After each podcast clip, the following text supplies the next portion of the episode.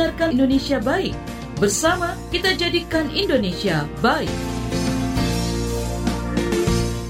Maka hal-hal yang kita lakukan selain memperhatikan aspek normatif misalnya apa yang diamini oleh masyarakat yang menjadi ketentuan dasar dalam um, kode etik dan uh, hal-hal uh, yang normatif dari masyarakat itu harus juga dilakukan oleh kawan-kawan waria.